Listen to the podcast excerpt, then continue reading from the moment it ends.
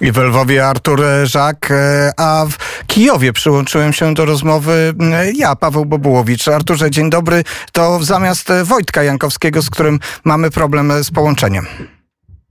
Dzień dobry, Pawle. Tak, e, nasza żabka podróżniczka, czyli Wojtek, prawdopodobnie stracił zasięg. Przed chwilą on dobijał do brzegu promem, wracał z podróży po Rumunii, Bułgarii, ale to pewnie upowie, jak e, będzie już miał połączenie. Prawdopodobnie już w następnym tygodniu tutaj z Lwowa poprowadzi e, studio Lwów. E, więc Paweł, przyjąłeś pałeczkę po Wojtku. Jak, jak, jak tam wygląda sytuacja w Kijowie? E, to tak, to dosyć skomplikowana sprawa, jeśli chodzi o przejęcie pałeczki e, po Wojtku i takie szybkie wskoczenie w temat, w którym e, rozmawialiście, ale jak doskonale wiesz, Ukraina dzisiaj żyje, od wczoraj, żyje tym, co wydarzyło się w, na lotnisku mm, w Sakach na okupowanym Krymie. Pewnie tak jak ja oglądałeś dziesiątki filmów zarejestrowanych nie przez ukraińskich wywiadowców, nie przez ukraińskich działaczy, nie pro, przez proukraińskich Tatarów krymskich, ale zarejestrowanych przez Rosjan, którzy e, siedzą, którzy są na Krymie, którzy Krym e, po prostu okupują. I, i te filmy, z, oczywiście ciekawy jest ta warstwa filmowa, to co widać, widać te wybuchy w, w porcie lotniczym Saki, ale widać też coś całkowicie, czy właściwie słychać coś, co może być zaskakujące, bo słychać reakcję Rosjan na to, że na terenie, który uważają za swój, spadły być może spadły pociski, bo przecież Ukraina nie potwierdziła cały czas, chyba że masz świeższe informacje, ale e, według tego, co ja czytam, Ukraina oficjalnie się nie przyznaje, nie zaprzecza e, i, i, i sobie gratuluje z, z, z tego powodu, że do tych wybuchów doszło. Ale to, co jest ciekawe w tej reakcji rosyjskiej, to, to niesamowite przerażenie i później kolejne filmy, Arturze, już bezpośrednio z mostu karczeńskiego, w którego kierunku udali się uciekający z tych plaż w pobliżu Jewpatorii e, Rosjanie. Tak, to jest zresztą któreś już raz z rzędu, kiedy Ukraińcy zaskakują e, Rosjan, atakując e, obiekty, które są daleko w e, tyle rosyjskim. Rosjanie cały czas twierdzą, że większość uzbrojenia ukraińskiego zostało już dawno temu zniszczone. Od początku twierdzą, że Ukraińcy nie dysponują bronią rakietową, która potrafi razić cele na takich odległościach. I tutaj faktycznie faktycznie Ukraina nie, nie potwierdza ani zaprzecza. E, jednocześnie tutaj są dwie wersje. Albo działają e, partyzanci, bądź e, oddziały specjalne ukraińskie, bądź Ukraina ma właśnie rakiety, które mają dużo dalszy zasięg niż e, te 70 e, kilometrów, e, tak jak rakiety GMLRS wystrzeliwane z HIMARSów, czy też z tych wyrzutni M270. To są te same wyrzutnie, tylko na, na podwoziu gąsienicowym e, i jest ich po prostu, tych prowadnic jest dwa razy więcej. E, na daną chwilę nie ma żadnych dodatkowych informacji. Rosjanie też z całych sił próbują zaprzeczać, że to jest atak ukraiński. Twierdzą, że to są dwa niezależne od siebie, zupełnie przypadkowe pożary. A co do tego, że właśnie musieliby się przyznać do tego, że Ukraińcy są w stanie działać na ich, na ich tyłach, na takich odległościach, na które oni e, próbują od, e, od kilku tygodni przemieszczać między innymi e, magazyny. A to, że Rosjanie, czy też ci, którzy dojechali na e, teren Krymu, po 2014 roku e, uciekają. No, faktycznie to dla nich nie jest zbyt komfortowa e, sytuacja, ale też czytam e, o tym, że m, mm, rodziny okupantów też e, też uciekają z Hersonia. Co prawda ta informacja jeszcze nie była w 100% potwierdzona, ale ponoć też e, zaobserwowano, e, że, że, że, że ewakuują te rodziny, które właśnie po 24 lutego, e, po, po pełnowymiarowym wtargnięciu Federacji Rosyjskiej na teren e, Ukrainy e, dojechały, tak jakby zostały ściągnięte przez e, okupantów rosyjskich. Więc sytuacja wygląda ciekawie, pomimo tego, że właśnie na wschodzie, tak jak już Dmytro wcześniej w korespondencji podawał, Rosjanie przesuwają się kilometr po kilometrze równając tym walcem artyleryjskim metr po metr ukraińską ziemię. I często zdarza się tak, że po prostu ukraińscy obrońcy pomimo tego, że e, mają możliwość e, obrony pod względem zasobów ludzkich czy nawet e, uzbrojenia, ale nie mają zwyczajnie gdzie się bronić, bo, bo, bo, bo ich ukrycia de facto przestają istnieć. Więc Artur, stricte... Arturze, jeśli pozwolisz, bo mamy pośredni dowód na to, że Ukraińcy stali za tym atakiem. Co do kwestii użytej broni, rzeczywiście tego jeszcze nie wiemy, ale Sztab Generalny Zbrojnych Sił Ukrainy opublikował dane. Według w ciągu ostatniej doby Ukraińcy zniszczyli 9 rosyjskich samolotów i 5 czołgów. Zniszczenie 9 samolotów samolotów e, w ciągu jednego dnia może wskazywać, że chodzi o te samoloty, które, e, które stały na lotnisku e, w miejscowości Saki pod Jewpatorią czy Eupatorią. Wojtek zaraz mnie poprawi na Krymie, a Wojtek mnie poprawi, bo podobno mamy już z nim łączność. Wojtek? Bardzo się cieszę, dzień dobry, witam Państwa jeszcze raz. Bardzo się cieszę z tych wiadomości, o których mówicie, bo ja będąc na wakacjach i będąc w miejscu dość odizolowanym, nie zawsze miałem internet i to, o czym mówicie, to są dobre wieści. Jestem e, na łączach, mam nadzieję, że tym razem e, dobrze mnie słychać. Okazuje się, że nawet w dużym mieście czasami internet e, taki z sieci jest zawodny i skorzystaliśmy z internetu w restauracji w mieście Tulcza, bo jestem w Tulczy w delcie Dunaju. To Arturze, Wojtku, ja wam e, oddam na chwilę tematy e, lwowskie, jeżeli takie macie, a jak nie, to, to powrócę z przyjemnością do tego tematu e, z lotniska wojskowego w Sakach. Artur? Tematów lwowskich dzisiaj będzie bardzo mało. Chciałem tylko powiedzieć o dwóch e, wyjątkowych miejscach e, w Lwowie. Widziałem, jak wygląda, jak się rozbudowuje wyjątkowy ośrodek dla uchodźców na terenie Lwowa, a mianowicie ośrodek, który praktycznie z dnia na dzień e, powstał i bardzo szybko, szybko się buduje i tam już mieszkają w dużej mierze w okolicach kobiety.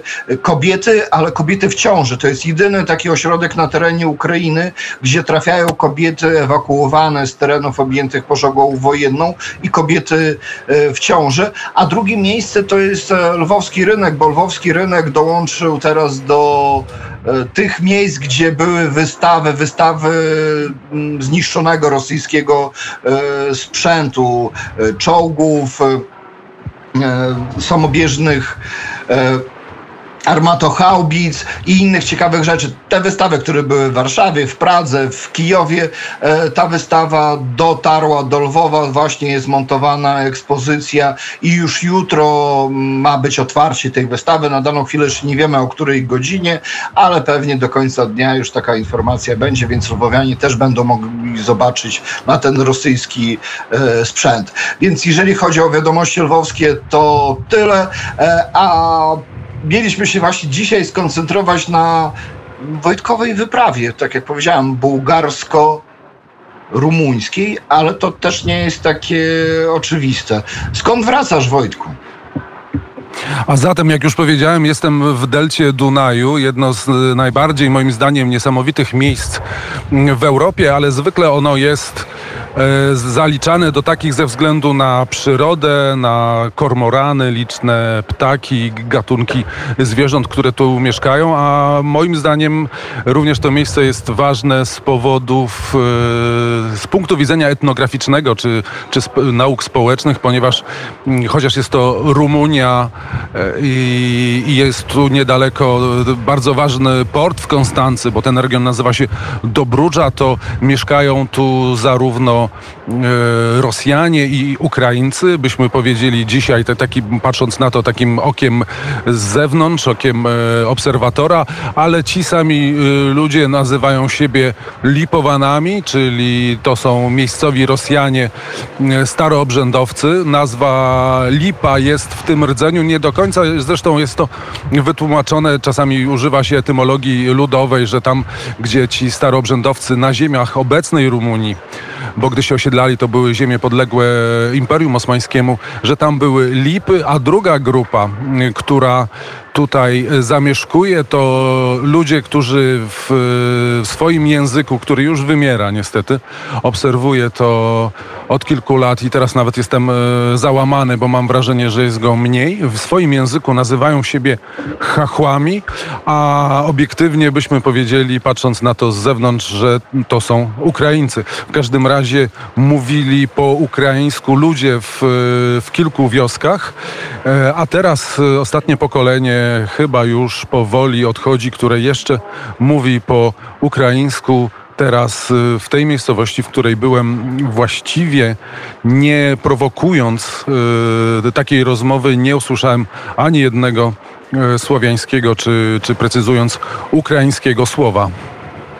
E, Wojtku, a tak zaciekawiłeś mnie tymi staroobrzędowcami. Czy rozmawiałeś może właśnie z Lipowanami? Bo, bo dla mnie to jest dosyć ciekawa sytuacja, bo to jest, są osoby, które uciekały przed represjami e, w sumie rosyjskimi dawno, dawno temu, a z tego co wiem, e, potrafią być naprawdę mm, przepotężnie prorosyjscy. Czy też odniosłeś takie wrażenie?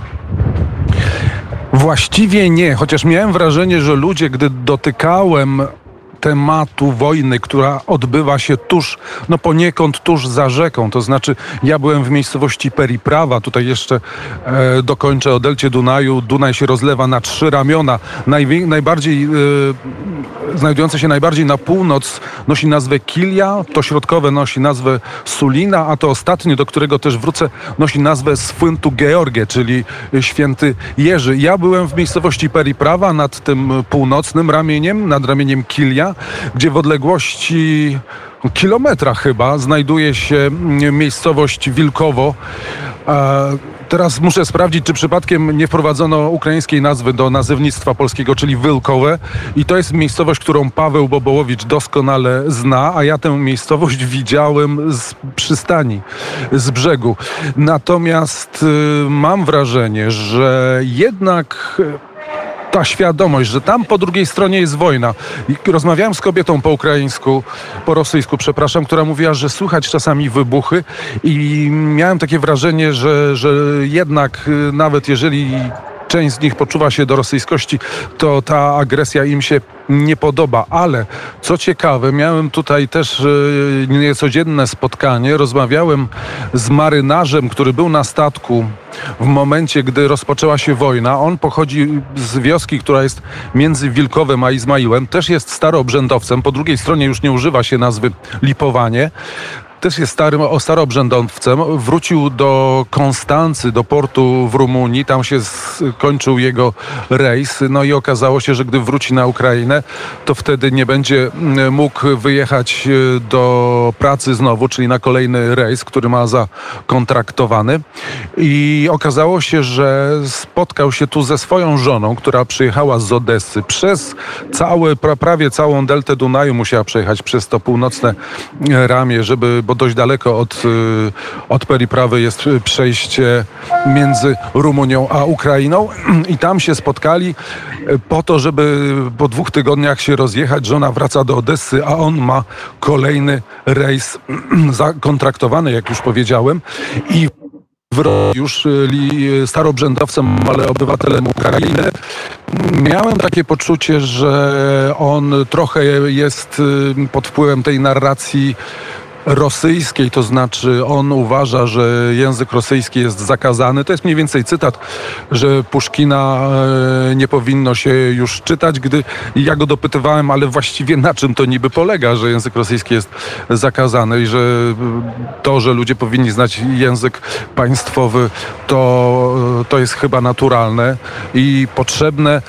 On powiedział coś takiego, niech Rosja zostanie Rosją, a Ukraina Ukrainą. Także wyczułem u, u, u niego, u tego konkretnego staroobrzędowca z z, z, Ukrainy, którego spotkałem na terytorium y, Rumunii, wyczułem raczej taką może nie postawę w 100% prorosyjską, ale ewidentny wpływ y, tej, tej narracji rosyjskiej, mówiącej o tym, że ludność rosyjskojęzyczna jest zagrożona. Co ciekawe, przy tej okazji jeszcze warto wspomnieć, że ten człowiek y, w tej miejscowości Periprawie y, odnalazł swoich dalekich krewnych, bo tu przecież nie było granicy do roku 40, gdy Związek Sowiecki odebrał Rumunii Besarabię e, północną Dobrudże i e, Bukowinę e, północną. Tu Lipowanie z jednego i z drugiego strony brzegi Dunaju zawierali małżeństwa, mieli rodziny po drugiej stronie, a później na kilkadziesiąt lat granica przecięła rodziny i, i ten człowiek poznał swoich dalekich krewnych, co myślę, że było dla niego bardzo wzruszającym doświadczeniem. Ale teza, że niech Rosja zostanie Rosją, a Ukraina i Ukrainą, e, mi się podoba. Tak, ta teza jest yy, dobra, ale co za nią stoi tam, tam daleko, to, to też nie wiemy tak dokładnie, co w głowie ma ten człowiek. Ja z kolei już nie byłem e, nachalny, agresywny. Rozmawialiśmy na statku, który płynął wzdłuż e, Dunaju. Widziałem z, również z tego statku port w Izmaile. To jest e, najpiękniejsza chyba trasa, bo e, oglądając Dunaj z jednej strony widzi się dziką przyrodę po rumuńskiej strony, a po ukraińskiej stronie Industrial. Chyba z 40 minut widać e, e, dźwigi portowe. Ale I może pozwolicie, jeżeli, jeżeli pozwolicie, zrobimy w tym momencie e, pauzę, ponieważ weszliśmy już w drugą część audycji o tej porze i to jest czas na raport z Kijowa. Studio Lwów.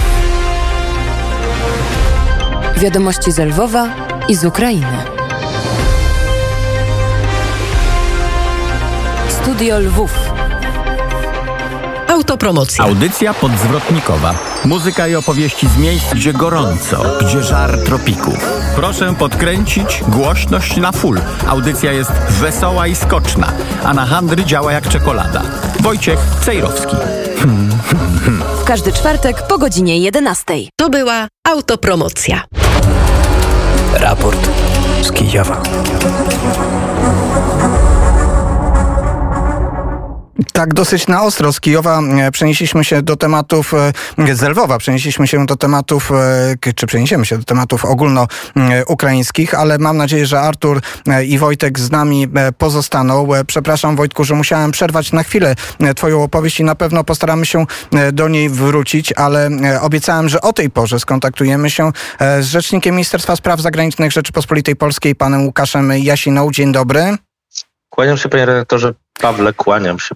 Dzień dobry, panie redaktorze. Pa, przepraszam, panie redaktorze też, to też jest prawda. Panie rzeczniku Łukaszu. Ja nie wiem, jak u was to jest, ale właściwie my jesteśmy sobą na ty, ale nie wiem, jaki jest styl w Radiu Wnet. E, e, styl prawdziwy, w związku z tym e, bądźmy, bądźmy na ty. Zresztą już kilka razy mhm. antenowo rozmawialiśmy na, na, na ty. No chyba, że rzecznik ministerstwa stwierdzi, że woli jednak formułę pan. Broń Boże, Pawle, mówmy normalnie. E, to Więc są, do Twojej dyspozycji. To są rezultaty e, znajomości e, od wielu, wielu lat, znajomości lubelskich. Zresztą dzisiaj w Lublinie tak będę, jest. pozdrowię od Ciebie też, też, Lublin. Ale nie o Lublinie będziemy rozmawiać, chociaż może się pojawi. Wrócimy do wydarzeń sprzed tygodnia, bo, bo tydzień temu dostałem od Ciebie taką informację, że spotkamy się. Okazało się to nierealne, bo ja akurat w tym czasie w Kijowie nie byłem, ale Ty byłeś, towarzyszyłeś ministrowi spraw zagranicznych Rzeczypospolitej Polskiej, profesorowi Zbigniewowi, Zbigniewowi Rał. Profesor był w Kijowie, ale też chyba musimy się przyzwyczaić do tej roli, którą na razie jeszcze pełni, bo przede wszystkim był nie tyle jako minister spraw zagranicznych Polski, chociaż ta funkcja też oczywiście była istotna, ale był jako przewodniczący OBWE i te ważne słowa, które padły już po wizycie, że flaga OBWE będzie w Kijowie, że OBWE nie wycofuje się z Ukrainy, że OBWE tam pozostaje. Łukaszu, dlaczego w ogóle ten temat powstał? Jakie jest zagrożenie, jeśli chodzi o funkcjonowanie OBWE? No przypomnijmy może, że obserwatorzy OBWE na początku tej rosyjskiej inwazji wyjechali z Ukrainy. Jak wygląda teraz ta sytuacja i jak należy interpretować te słowa pana ministra? W sposób prosty, ale y, najpierw jeden kontekst. Pamiętajmy, że OBWE, Organizacja Bezpieczeństwa i Współpracy w Europie, organizacja, która chyba jako jedyna, przynajmniej do czasu, łączyła wszystkie europejskie bloki państwa, jest organizacją w sprawach większości wielu wymagającą y, jednomyślności, a Członkiem Organizacji Bezpieczeństwa i Współpracy w Europie jest i pozostaje Rosja. I to nigdy nie było do końca dobre dla rozwiązywania konfliktu na Ukrainie. Nigdy nie było do końca dobre dla e, pokojowego rozwiązywania tego wszystkiego, a tym bardziej nie było dobre po 24 lutego, kiedy Rosja stała się agresorem, Ukrainę zaatakowała, zresztą stała się, była nim tak naprawdę od roku 2014, ale w nieco innych, e, inny sposób. I Organizacja Bezpieczeństwa i Współpracy w Europie do rozwiązania bardzo wielu rzeczy potrzebuje jednomyślności i potrzebowała takiej jednomyślności choćby dla przedłużenia mandatu Organizacji Bezpieczeństwa i Współpracy w Europie i misji obserwacyjnych na Ukrainie po 31 marca. Ze strony Rosji, jak się Pawle domyślasz, nie możemy liczyć specjalnie na wsparcie takich rozwiązań. Rosji Organizacja Bezpieczeństwa i Współpracy w Europie nie jest do tego potrzebna, ale udało się znaleźć e, pomiędzy e, przewodnictwem polskim w OBWE a władzami ukraińskimi taki model współpracy i działania, że Organizacja Bezpieczeństwa i Współpracy w Europie w Kijowie pozostanie. Nie będzie miała oczywiście misji mm, e, tam na linii frontu, ale będzie w Kijowie monitorowała to, co się dzieje, będzie dla społeczności międzynarodowej formułowała mm, opinie, sądy, będzie widzieć, patrzeć i będzie w imieniu europejskiej społeczności tam ciągle obecna. A to jest ważne, bo nie można pozwolić na to, aby Europa i jej instytucje wycofywały się z Ukrainy, znikały, oddawały Rosji pole. Nie można na pewno na to pozwolić, pozwolić, ale z drugiej strony w takim praktycznym znaczeniu, jaki jest pomysł polskiej prezydencji na to, żeby jednak Rosja nie mogła w, w, wtrącać się w te e, mechanizmy OBWE? Jak my możemy to e, ograniczyć? Czy nie dojdzie do takiej sytuacji, że i tak w kluczowym momencie Rosja albo zawetuje, albo zerwie, albo wycofa? Jakie my mamy możliwości i co nam daje e, ten fakt, że profesor Rał jest przewodniczącym w tym momencie? Przede wszystkim przewodnictwo w OBWE może bardzo wiele spraw załatwić bez udziału państw takich jak Rosja może opierać się na istniejących już przepisach, decyzjach. Może się po prostu starać wypracowywać takie działania, które Rosji nie zaangażują, a będą wręcz przeciwnie obserwowały i poddawały krytyce, co, to, co w Rosji się dzieje. Polskie przewodnictwo od lutego nie unikało krytyki wobec jednego z państw OBWE, czyli Rosji. Polskie przewodnictwo znajduje się w czołówce krytyki zbrodni popełnianych przez Rosję na terenie wschodniej Ukrainy i mamy nadzieję, że uda się nam wypracować taki model, który jednak nie będzie blokował działalności organizacji tylko z uwagi na to, że jeden z jej członków do dopuszcza się zbrodni i może wszystko zawetować. To nie jest Rada Bezpieczeństwa ONZ-u i to prawo weta nie jest jednak takie e, wszechmogące, jak tam e, w ONZ-cie to wygląda. Ponadto polskie przewodnictwo będzie dbało o to, aby sprawa e, ukraińska nie schodziła z czołówek decyzji OBWE, z wszystkich eventów OBWE, łącznie z Radą Ministerialną tej organizacji, która będzie obradowała w Łodzi w grudniu tego roku. I to możemy zrobić i przekazać tak działającą maszynerię następnemu przewodniczącemu OBWE, który będzie tym razem Macedonia Północna co też daje szansę na to, że ten kierunek być może będzie e, utrzymany. W rozmowach z partnerami ukraińskimi na pewno e, czuć to w tym duchu społecznym. Społeczeństwo ukraińskie jest nieufne do wszelkiego rodzaju instytucji e, międzynarodowych. Ostatnio dołożył się do tego, dołożyło się do tego na pewno Amnesty International, chociaż to trochę mhm. inna grupa organizacji, ale gdy toczyły się te rozmowy w Kijowie, czy też czuć tego ducha nieufności i czy on się przypadkiem nie przekłada, ta taka odpowiedzialność za przekłada w organizację międzynarodową na relacje polsko-ukraińskie? Nie, nie przekłada się, panie redaktorze, drogi Pawle, bo yy, ja pamiętam z rozmów Kijowa atmosferę nieufności połączoną z atmosferą zaufania. To znaczy społeczeństwo ukraińskie ma i przywódcy ukraińscy mają prawo w pewne sprawy nie wierzyć albo w nie nie dowierzać, ale w pewne wierzą. A polska pomoc, wsparcie na każdej niwie, od dyplomatycznej przez społeczną do wojskowej jest faktem, który jest na Ukrainie odnotowywany od kręgów najwyższych do najniższych, od prostej osoby, która podawała nam obiad po zakończeniu rozmów w jednej z kijowskiej restauracji do prezydenta Zeleńskiego. Więc y, jeżeli chodzi o ten drugi aspekt wizyty ministra bilateralnej, jego wizytę jako ministra spraw zagranicznych, która jest zresztą y, kontynuacją pewnego ciągu wizyt. Właściwie żadne inne państwo nie wysyłało tak wielu delegacji w różnych momentach i aspektach na Ukrainę jak Polska. E, było zupełnie inne. Tam nie było niedowierzania. Tam była praca nad tym, jak wspólnie pewne kwestie rozwiązywać, jak razem działać i jak myśleć o przyszłości, bo przecież wojna wojną, ale wiele problemów w dalszym ciągu istnieje i też trzeba się nimi zajmować, nawet jeżeli ta wojna pochłania większość naszych energii. E, są też sprawy nierozwiązane w tej płaszczyźnie mhm. E, polsko-ukraińskiej. E, te tematy bardzo często w różnych momentach pojawiały się jako tematy, które należy odkładać na czasy lepsze.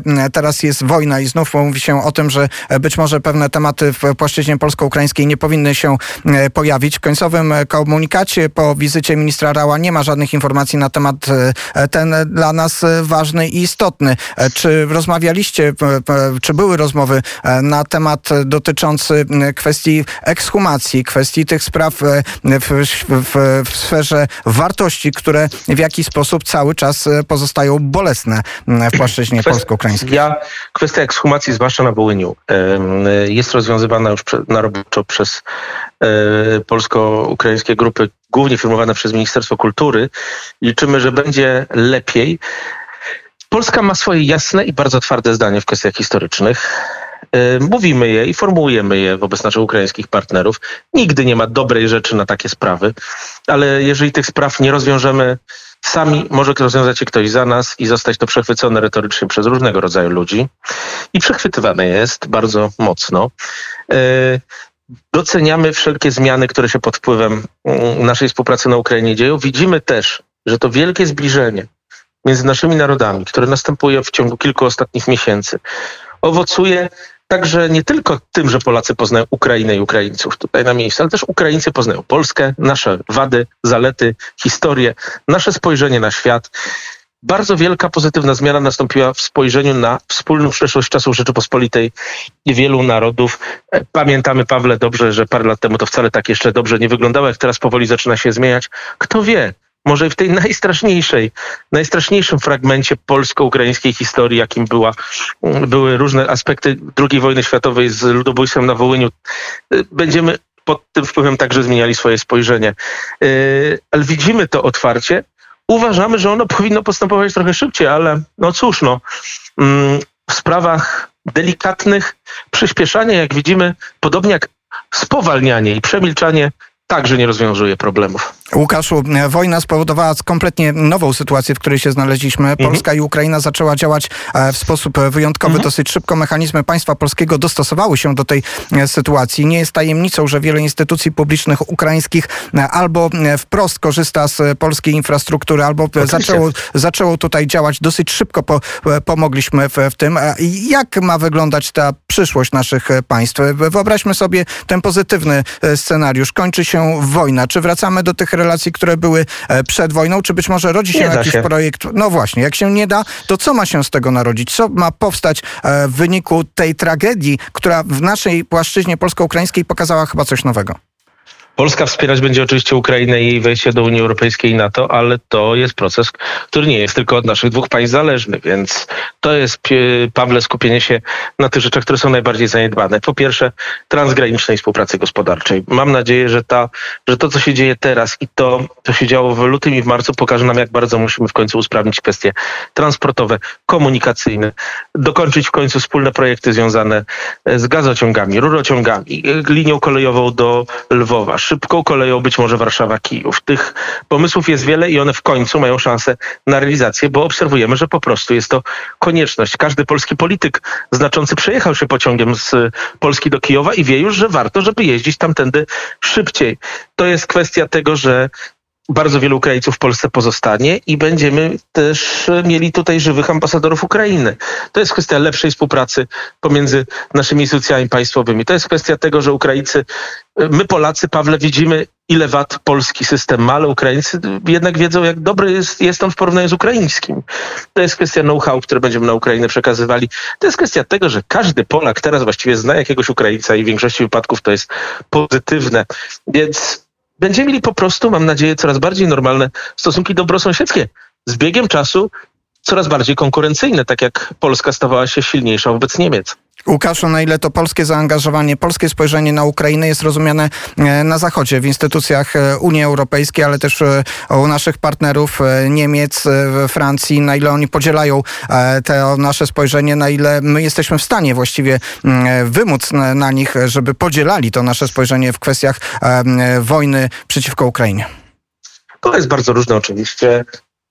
W kręgach dyplomatycznych ono jest bardzo mocno zrozumiałe, ale przy wszystkich e, znaczeniach, jakie przypisujemy i, które nastąpiły po 24 lutego, dla żadnego innego państwa Unii Europejskiej, nawet dla państw bałtyckich, które jednak z Ukrainą nie graniczą, Ukraina nie odgrywa takiego znaczenia jak Polska i dla żadnego, i żadne państwo europejskie nie ma takiego znaczenia dla Ukrainy jak Polska. Więc um, to jest kwestia bardzo nieporównywalna.